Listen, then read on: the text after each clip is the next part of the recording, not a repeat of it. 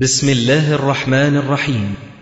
تسجيلات السلف الصالح للصوتيات والمرئيات والبرمجيات. تقدم هذا الإصدار لفضيلة الشيخ الدكتور محمد إسماعيل. الحمد لله وكفى وسلام على عباده الذين اصطفى. لا سيما عبده المصطفى وآله المستكملين الشرفا أما بعد فإن أصدق الحديث كتاب الله وأحسن الهدي هدي محمد صلى الله عليه وسلم. وشر الأمور محدثاتها وكل محدثة بدعة وكل بدعة ضلالة وكل ضلالة في النار. ثم أما بعد درسنا آه، مؤخرا موقف الشيعة في قضية توحيد الألوهية ونستكمل الكلام بالبحث حول قول الرافضة إن الإمام له أن يحرم ما يشاء ويحل ما يشاء. كما ذكرنا من قبل الرافضة عندهم أن التشريع لم يسد بابه بانتقال النبي صلى الله عليه وآله وسلم إلى الرفيق الأعلى. التشريع بابه لسه مفتوح عن طريق الإيه؟ الأئمة. يقول من أصول التوحيد الإيمان بأن الله سبحانه وتعالى هو المشرع وحده يحل ما شاء ويحرم ما شاء لا شريك له في ذلك ورسل الله يبلغون شرع الله لعباده. ومن ادعى أن له إماما يحل ما يشاء ويحرم ما يشاء فهو داخل في قوله سبحانه أم لهم شركاء شرعوا لهم من الدين ما لم يأذن به الله فأشرك مع الله غيره والشيعة تزعم في رواياتها أن الله سبحانه وتعالى اسمع الكلام ده في أصول الكافي وبحار الأنوار أن الله تعالى خلق محمدا وعليا وفاطمة فمكثوا ألف دهر ثم خلق جميع الأشياء بعد خلق الإيه؟ محمد عليه الصلاة والسلام وعلي وفاطمة لمدة إيه؟ ألف دهر. ثم خلق جميع الأشياء فأشهدهم خلقها. لا تقول ما أشهدتهم خلق السماوات والأرض. حدش خالص حضر هذا الموقف. يقول فأشهدهم خلقها وأجرى طاعتهم عليها وفوض أمورهم إليها. فهم يحلون ما يشاءون ويحرمون ما يشاءون. انتهى النقل من أصول الكافي وقد بين شيخهم المجلسي بعض فقرات هذا النص فقال وأجرى طاعتهم عليها أي أوجب وألزم على جميع الأشياء طاعتهم حتى الجمادات من السماويات والأرضيات كشق القمر وإقبال الشجر وتسبيح الحصى وأمثالها مما لا يحصى. وفوض أمورها إليهم من التحليل والتحريم والعطاء والمنع. هذا في بحار الأنوار. ثم بين أن ظاهر هذا النص يدل على تفويض الأحكام أي أحكام التحليل والتحريم إليهم. وجاءت الرواية عندهم صريحة بهذا فيما ذكره المفيد في الاختصاص والمجلسي في البحار وغيرهما عن أبي جعفر. قال من أحللنا له شيئا أصابه من أعمال الظالمين فهو حلال. طبعا لازم نفهم من كلمة الظالمين لما تطلق في يعني عرف الشيعة فالظالمون هم إيه؟ خلفاء الدولة الإسلامية.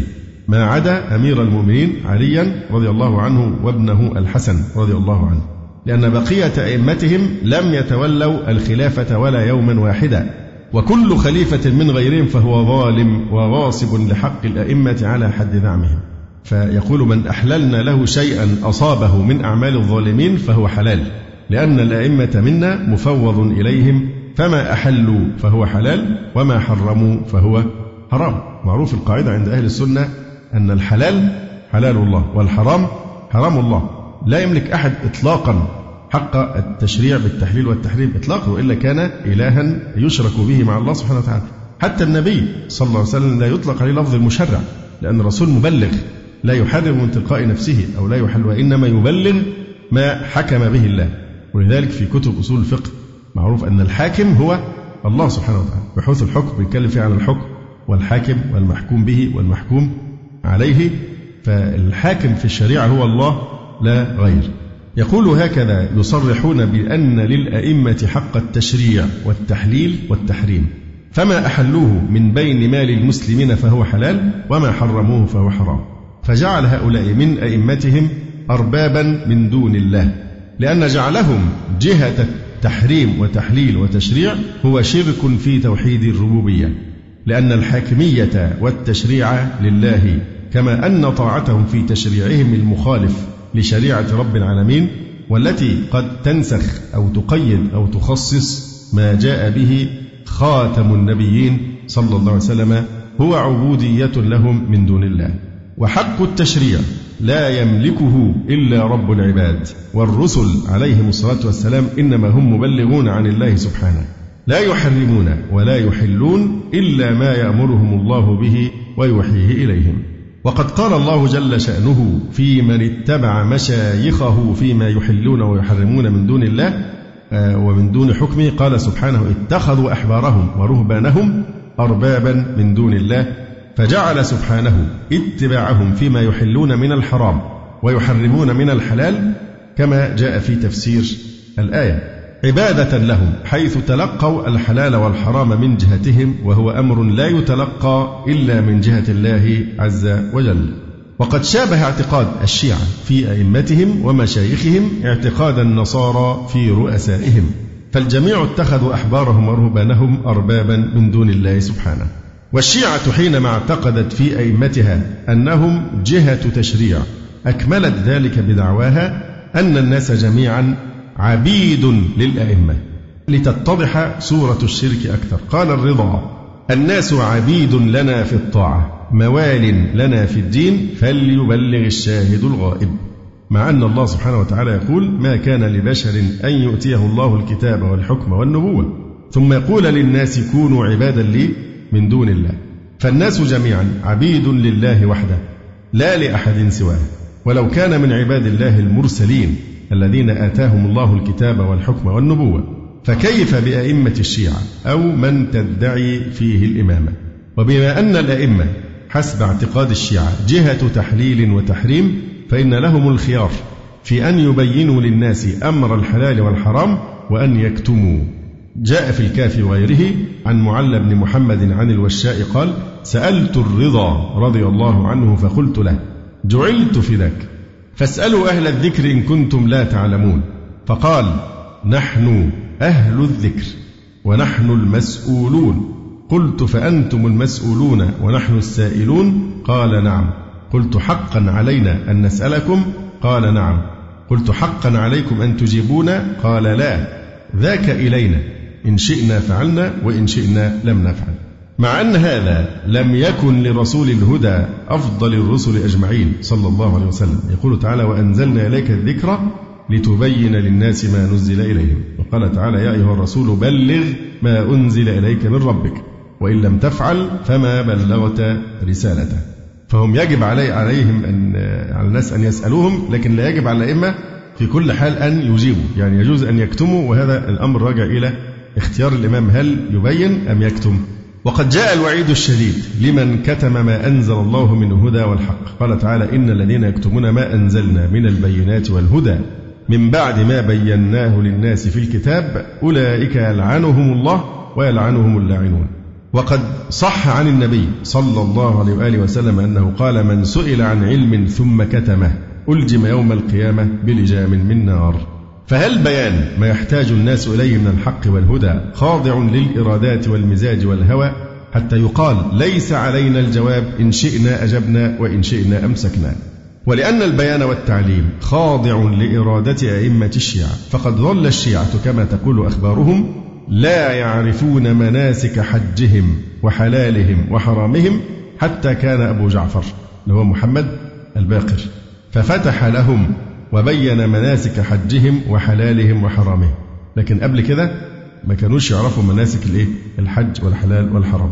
ولم يكتفي الشيعة بذلك بل زعموا أن لأئمتهم حق إضلال الناس وإجابتهم بالأجوبة المختلفة المتناقضة لأنه قد فوض إليهم ذلك. جاء في الاختصاص للمفيد عن موسى بن أشيم قال دخلت على أبي عبد الله فسألته عن مسألة فأجابني فيها بجواب فأنا جالس إذ دخل رجل فسأله عنها بعينها فأجابه بخلاف ما أجابني وخلاف ما أجاب به صاحبي. ففزعت من ذلك وعظم علي فلما خرج القوم نظر إلي وقال يا ابن أشيم إن الله فوض إلى داود أمر ملكه. فقال هذا عطاؤنا فمن أو أمسك بغير حساب. وفوض إلى محمد صلى الله عليه وآله وسلم أمر دينه فقال وما آتاكم الرسول فخذوه وما نهاكم عنه فانتهوا. وإن الله فوض إلى الأئمة منا وإلينا ما فوض إلى محمد صلى الله عليه وآله وسلم فلا تجزع. لا تجزع يعني لا تهتز بسبب هذا الموقف المتناقض لأن حق لنا أن إحنا نقول الحق أو نقول يعني ابن عمه. هكذا يفترون الكذب. فالأئمة كما تقول أخبارهم هم المشرعون وأمر التحليل والتحريم بأيديهم ولهم حق كتمان ما يحتاج الناس إليه حتى أركان الإسلام وأصوله. إن شاءوا أجابوا الناس وإن شاءوا منعوهم. ولذلك ظل الشيعة في جهل من أمر الحج كما يشهدون على أنفسهم إلى زمن الباقر لأنهم لا يأخذون مما رواه الصحابة رضي الله عنهم عن رسول الله صلى الله عليه وسلم وإنما يأخذون ما جاء عن الأئمة والأئمة كتموا أمر المناسك عليهم. وتستمر مسيرة الافتراء بأيدي هؤلاء القوم على دين الله وكتابه ورسوله وأهل بيته. وهم يتسترون على هذه الدعاوى المنكرة والاتجاهات الكافرة بدعوى التشيع لآل البيت. فهل هؤلاء شيعة لعلي والحسن والحسين وعلي بن الحسين وهم يفترون عليهم؟ كل هذه الافتراءات ويرمونهم بأنهم لم يبينوا للناس أمر الحلال والحرام والحج وأن من شرعتهم كتمان الحق وإضلال الناس بالأجوبة المتناقضة. ينتقل إلى بحث آخر متعلق بموقف الشيعة أيضا من توحيد الألوهية والوقوع في الضلالات التي تنافي التوحيد. تقول الشيعة مخالفة بذلك النقل والعقل والطب والحكمة. بأن تربة الحسين هي الكفيلة لشفاء الأدواء والأسقام بشتى أنواعها وأشكالها. هذا البحث حول قولهم إن تراب قبر الحسين شفاء من كل داء. وكأنهم بهذا اعتقدوا فيما لا ينفع بالحس والمشاهدة وبالطبع والعقل اعتقدوا فيه النفع. وزعموا أن الشفاء يتحقق من تراب قبر لا من رب الأرباب. مخالفين بذلك قوله تعالى وإن يمسسك الله بضر فلا كاشف له إلا هو. وقوله عز وجل أمن يجيب المضطر إذا دعاه ويكشف السوء. وقوله عز وجل وإذا مرضت فهو يشفي. فهم باعتقادهم بهذا التراب الدواء والشفاء. قد شابهوا المشركين في اعتقادهم بأحجارهم النفع والضر. ولقد ذكر صاحب البحار ما يصل إلى ثلاث وثمانين رواية عن تربة الحسين وفضلها وآدابها وأحكامها. طبعا دايما يهولوا في الأرقام. زي ما قلنا مثلا المجلدات الكتاب الفلاني المجلد ال 130 صفحة 700 وكذا. منفوخة لأن الكذب مش بيكلم مش بفلوس. فالكذب عندهم من كثرته تجد القضية الواحدة مش حتى رواية ولا اثنين ولا عشرة حاجة وسبعين حاجة وثمانين 200 رواية في الموضوع الفلاني. لأن الكذب دين عندهم. فيعني دايما إيه بيهولوا كده بال... وده اللي بيشكك في كلامهم دايما. كثرة الروايات في هذه الافتراءات التي هي يعني أظلم من من سواد الليل. ومع ذلك يجيب لك روايات. ففي هذه القضية ذكر صاحب البحار ما يصل إلى 83 رواية عن تربة الحسين وفضلها وآدابها وأحكامها. فجعلت هذه الروايات من هذه التربة البلسم الشافي من كل داء.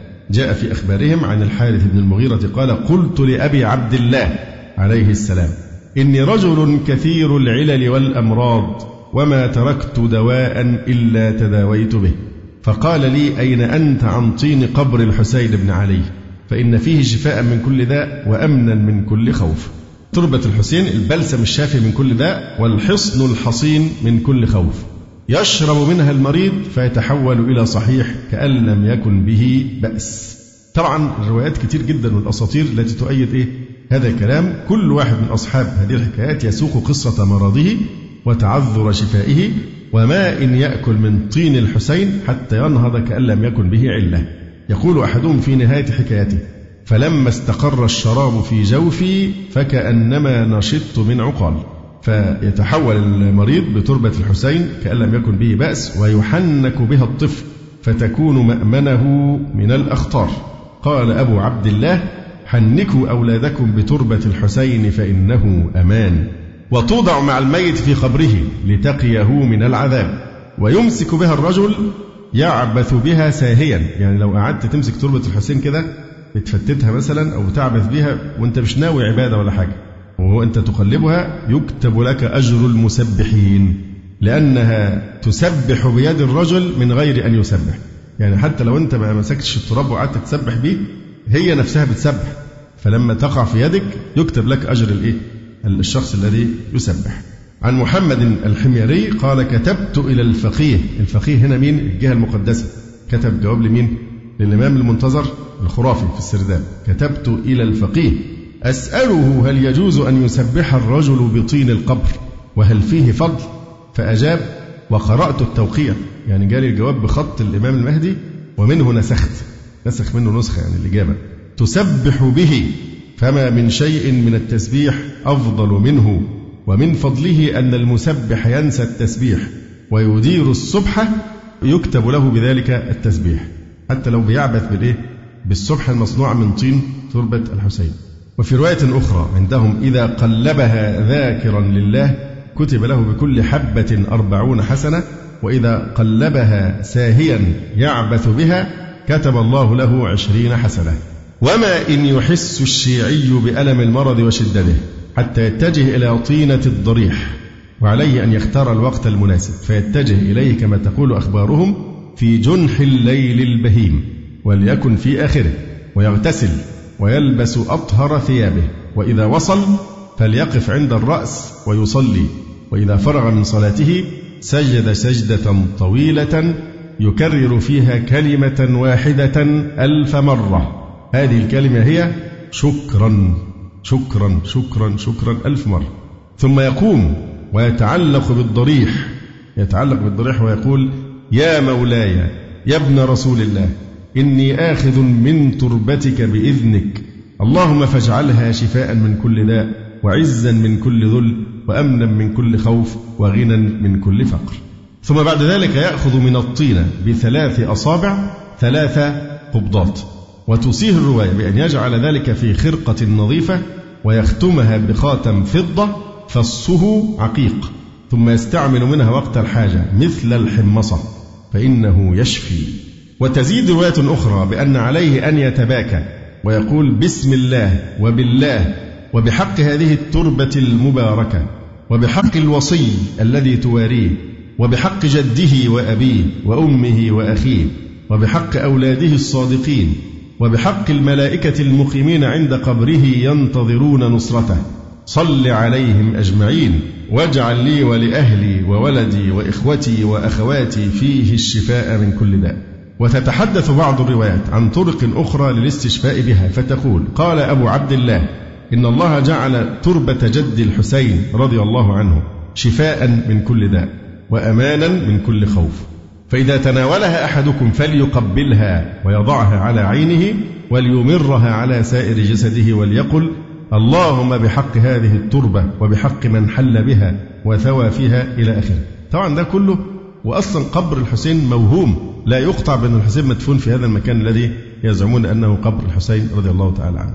وتذكر رواية أخرى طريقة تناولها ببيان المقدار والصفة حيث قال جعفرهم حينما سئل عن كيفية تناولها إذا تناول التربة أحدكم فليأخذ بأطراف أصابعه وقدره مثل الحمصة فليقبلها وليضعها على عينه.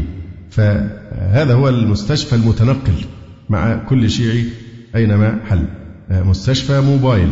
ويبدو أن هذه الطينة زادت مرضهم مرضا ومن تعلق بشيء وكل إليه. ولهذا شكى بعض الشيعة لإمامه ما يجده من ضعف القدرة فعزاه إمامه بقوله كذلك جعل الله أولياءنا وأهل مودتنا وجعل البلاء إليهم سريعا هذا وكما أن الشيعي يتجه حين نزول المرض به إلى صنمه الذي يسميه بالطينة فإنه أيضا يلجأ إلى هذا الصنم وقت الخوف ومداهمة العدو. فيصطحبوه معه في ظروف الخوف. يقول إمامهم إذا خفت سلطانا أو غير سلطان فلا تخرجن من منزلك إلا ومعك من طينة قبر الحسين. وأمره أن يقول اللهم إني أخذته من قبر وليك وابن وليك فاجعله لي أمنا وحرزا لما أخاف وما لا أخاف.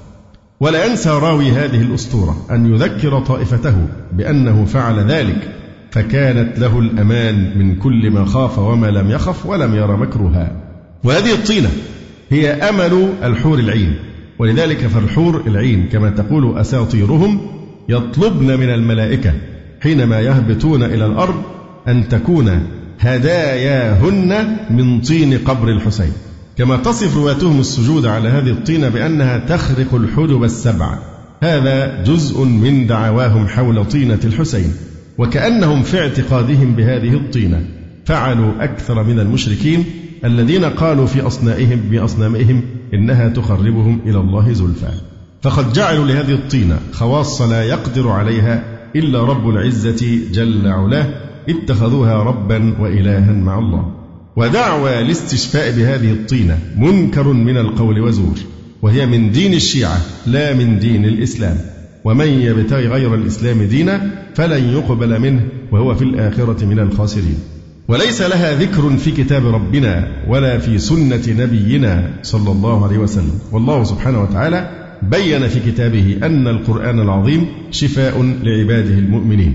قل هو للذين آمنوا هدى وشفاء. وقال عز وجل وننزل من القرآن ما هو شفاء ورحمة للمؤمنين وسنة المصطفى صلى الله عليه وسلم بينت من الأدعية والأوراد التي فيها اللجوء إلى الله وحده لا إلى تراب ولا إلى صنم بل ولا ملك مقرب ولا نبي مرسل وإنما إلى الله وحده ويتحقق بسببها بإذنه تعالى الحفظ للمسلم والأمان كما أن المسلم مأمور بالأخذ بالأسباب الطبيعية للشفاء.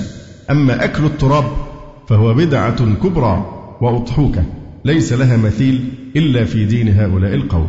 ثم ينتقل إلى مبحث آخر وهو دعاؤهم بالطلاسم والرموز واستغاثتهم بالمجهول. يقول ومن ضلالهم وشركهم دعاؤهم بالرموز والطلاسم والحروف واعتبار ذلك من أحراز الأئمة وأدعيتهم وحجبهم فيكتبونها ويتمتمون بها من أجل الشفاء والسلامة. وقد جمع من ذلك المجلسي فأكثر فقد أورد في كتابه طائفة من الألفاظ التي لا معنى لها ووضع صور بعض الطلاسم برسم غريب في كتابه البحار على أن ذلك من هدي الأئمة للشفاء.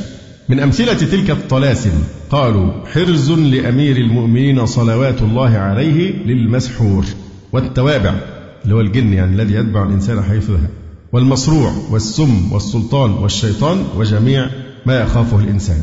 إيه بقى في الحرز بقى؟ بسم الله الرحمن الرحيم. أي كنوش أي كنوش أرشش عطني طني طح. يا مطيطرون فريل سنون ما وما ساما. سوية طيطشة لوش خيطوش إلى آخر هذه الطلاسم ثم رسم رموزا غريبة على شكل خيوط متداخلة. وتكرر رسم مثل هذه الرموز في صفحة كذا وكذا من الجزء نفسه. ومن عوذات الأئمة وأحرازهم بالألفاظ الغريبة قولهم كما يزعمون أعوذه بيا أهيا شرهيا إلى آخره. والأحجبة بالحروف التي لا معنى لها هي من عوذات الأئمة كما يفترون. فمن دعواتهم بالحروف اللهم بالعين والميم والفاء والحائين بنور أبو الأشباح اكفني شر من دب ومشى. فاعتبروا أن هذا من الحجب التي احتجب بها الأئمة ممن أراد الإساءة إليهم. والله سبحانه وتعالى يقول ولله الأسماء الحسنى فادعوه بها. وكتابة الأحجبة والحروز بهذه الطلاسم والحروف هي من الشرك بالله الواحد القهار لأنها دعاء لغير الله سبحانه. فهي ليست من أسمائه عز وجل وصفاته وأسماء الله هي ما ورد في الكتاب والسنة توقيفية لا يجوز أن ندعو الله سبحانه بغيرها. كما أن هذه الطلاسم لا معنى لها معروف. ولهذا قال الإمام الصغاني رحمه الله تعالى وربما يكون التلفظ بتلك الكلمات كفرا لأن لا نعرف معناها بالعربية. وقد قال الله تعالى ما فرطنا في الكتاب من شيء وهو يقول أهيا شرهيا إلى آخره. ثم ذكر أنه قد ضل بهذه الدعوات المجهولات خلق كثير. أما الاستعانة بالمجهول فإنهم يستغيثون به عند الضلال في الطريق كما استغاثوا من قبل بالميت والمعدوم كما سلف. والاستعانة بالأموات أو الغائبين عن نظر من استعان بهم من ملائكة أو جن أو إنس في جلب نفع أو دفع ضر نوع من الشرك الذي لا يغفره الله إلا لمن تاب منه لأن هذا النوع من الاستعانة قربة وعبادة وهي لا تجوز إلا لله خالصة لوجهه الكريم. في الحالة دي يقول لك وهابية كفرة.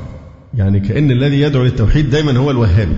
في أي شيء لما تخالفهم دول ده كلام الوهابية عشان يحاولوا يوهموا الناس أن الذي يقول هذا الكلام دي طائفة فرقة شاذة أو فرقة ضالة تسمى الوهابيين. في حين أن هذا هو دين الإسلام وهذا دين التوحيد والفطرة. في كل مسألة من هذه المسائل كل ما تخالفهم بيردوا بإيه؟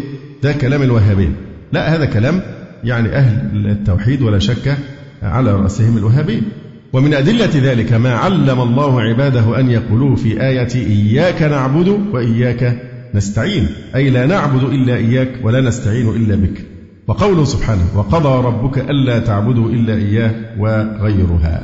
جاء في مصادرهم المعتمدة عن أبي بصير عن أبي عبد الله قال إذا ضللت الطريق فنادي يا صالح أو يا أبا صالح أرشدونا إلى الطريق يرحمكم الله. قال ابن بابويه في باب دعاء الضال عن الطريق بعد ذكره للرواية السالفة. وروي أن يتوه في الصحراء في البر ينادي على مين؟ صالح.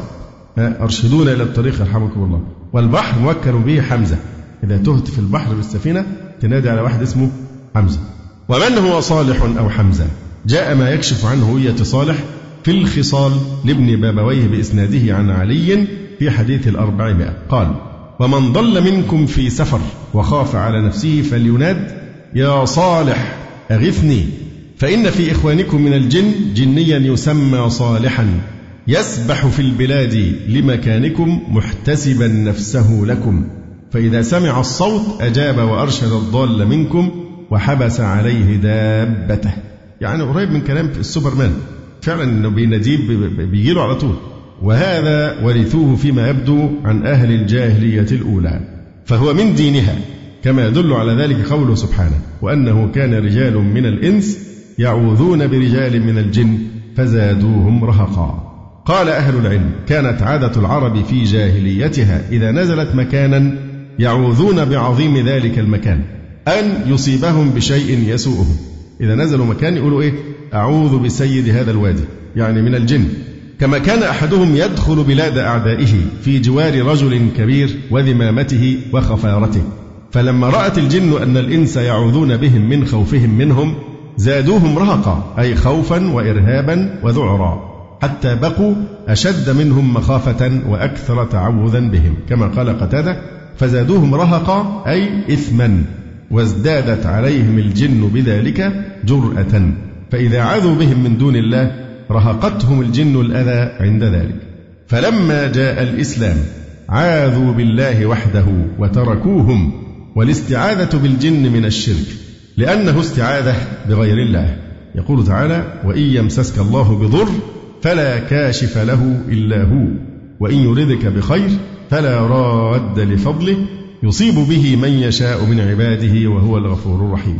ينتقل إلى مظهر آخر من مظاهر القدح في توحيد الألوهية وهو استخارتهم بما يشبه أزلام الجاهلية. يقول كانت العرب في جاهليتها. إذا أراد أحدهم سفرا أو غزوا ونحو ذلك أجال القداح هي الأزلام. وكانت عبارة عن قداح ثلاثة. على أحدها مكتوب افعل. وعلى الآخر لا تفعل. والثالث غفل ليس عليه شيء. ومن الناس من قال مكتوب على الواحد أمرني ربي وعلى الآخر نهاني ربي والثالث غفل ليس عليه شيء. فإذا أجالها فطلع سهم الأمر فعل. أو النهي تركه وإن طلع الفارغ عاد وقد ابتلي فئات من الناس بالأزلام كما ابتلوا بالأنصاب. فالأنصاب للشرك في العبادة والأزلام للتكهن. وطلب علم ما استأثر الله به. هذه للعلم وتلك للعمل ودين الله وشرعه مضاد لهذا وهذا. وقد أدخلت طائفة الاثني عشرية الاستخارة بالأزلام في دينها وأضافت عليها بعض الإضافات وسموها الرقاع. وعقد الحر العاملي لهذا بابا بعنوان باب استحباب الاستخارة بالرقاع وكيفيتها. وذكر في هذا الباب جملة من أحاديثهم في ذلك بلغت خمس روايات. أما المجلسي فقد ذكر أنواعا من الاستخارات تدخل في هذا المعنى في أبواب ثلاثة باب الاستخارة بالرقاع باب الاستخارة بالبنادق وباب الاستخارة بالسبحة والحصى. وفي هذه الاستخارات تذكر كتب الشيعة كيفية قد تختلف في البداية عن طرق أهل الجاهلية حيث الصلاة والدعاء. وهي صلاة على طريقة مبتدعة. ثم دعاء معين ولكنها تنتهي بما يشبه عمل الجاهلية حيث استكشاف ما هو خير عن طريق تحريك السبحة أو كتابة افعل أو لا تفعل في رقاع معينة واختبار ذلك عدة مرات. من أمثلة ذلك ما جاء عند الكليني والطوسي والحر العاملي وغيرهم عن هارون بن خارجة عن أبي عبد الله عليه السلام قال إذا أردت أمرا فخذ ست رقاع فاكتب في ثلاث منها. بسم الله الرحمن الرحيم. خيرة من الله العزيز الحكيم لفلان ابن فلانة. افعل. مع أن الله يقول ادعوهم لآبائهم. هو هنا بيدعوه لأمه. وفي ثلاث منها بسم الله الرحمن الرحيم. خيرة من الله العزيز الحكيم لفلان ابن فلانة. لا تفعل. ثم ضعها تحت مصلاك. ثم صل ركعتين. فإذا فرغت فاسجد سجدة وقل فيها مئة مرة. أستخير الله برحمته خيرة في عافية. ثم استوي جالسا وقل اللهم خير لي واختر لي في جميع أموري في يسر منك وعافية. ثم اضرب بيدك إلى الرقاع. فشوشها. شوشها يعني اخلطها إيه؟ ببعضها. وأخرج واحدة واحدة.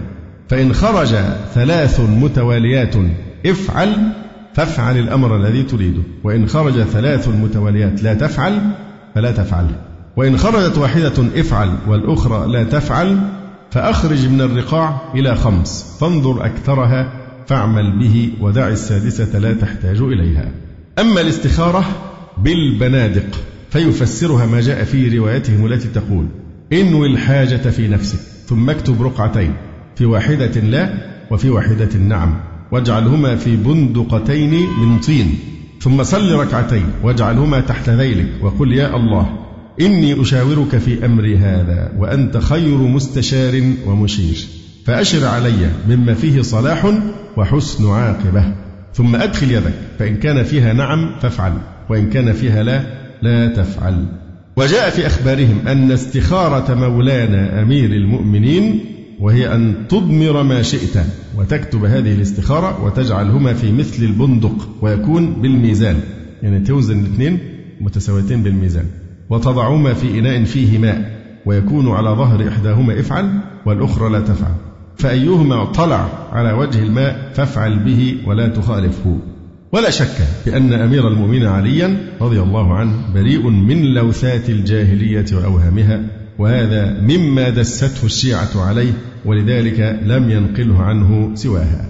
أما الاستخارة بالسبحة والحصى فقد قال شيخهم المجلسي سمعت والدي يروي عن شيخه البهائي أنه كان يقول سمعنا مذاكرة عن مشايخنا عن القائم صلوات الله عليه هو المهدي في الاستخارة بالسبحة أنه يأخذها تأخذ السبحة ويصلي على النبي وآله صلوات الله عليهم ثلاث مرات ويقبض على السبحة ويعد اثنتين اثنتين.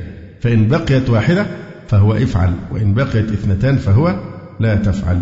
هذه الأنواع من الاستخارة. ذات أصل جاهلي حاولوا إلباسه ثوب الإسلام.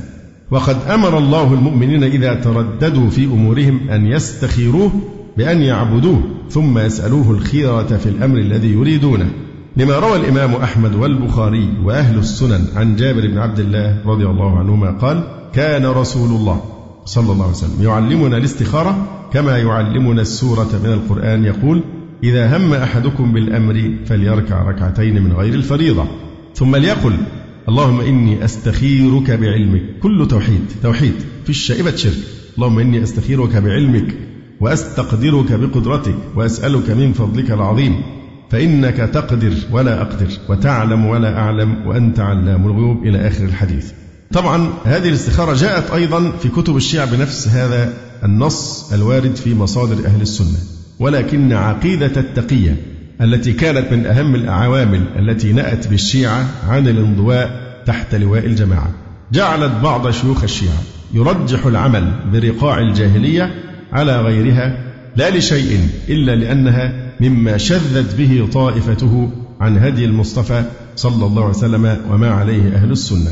ذلك أن ما يتفق من رواياتهم مع إجماع المسلمين يصبح العمل به عند الشيعة موضع تردد لاحتمالات التقية المزعومة.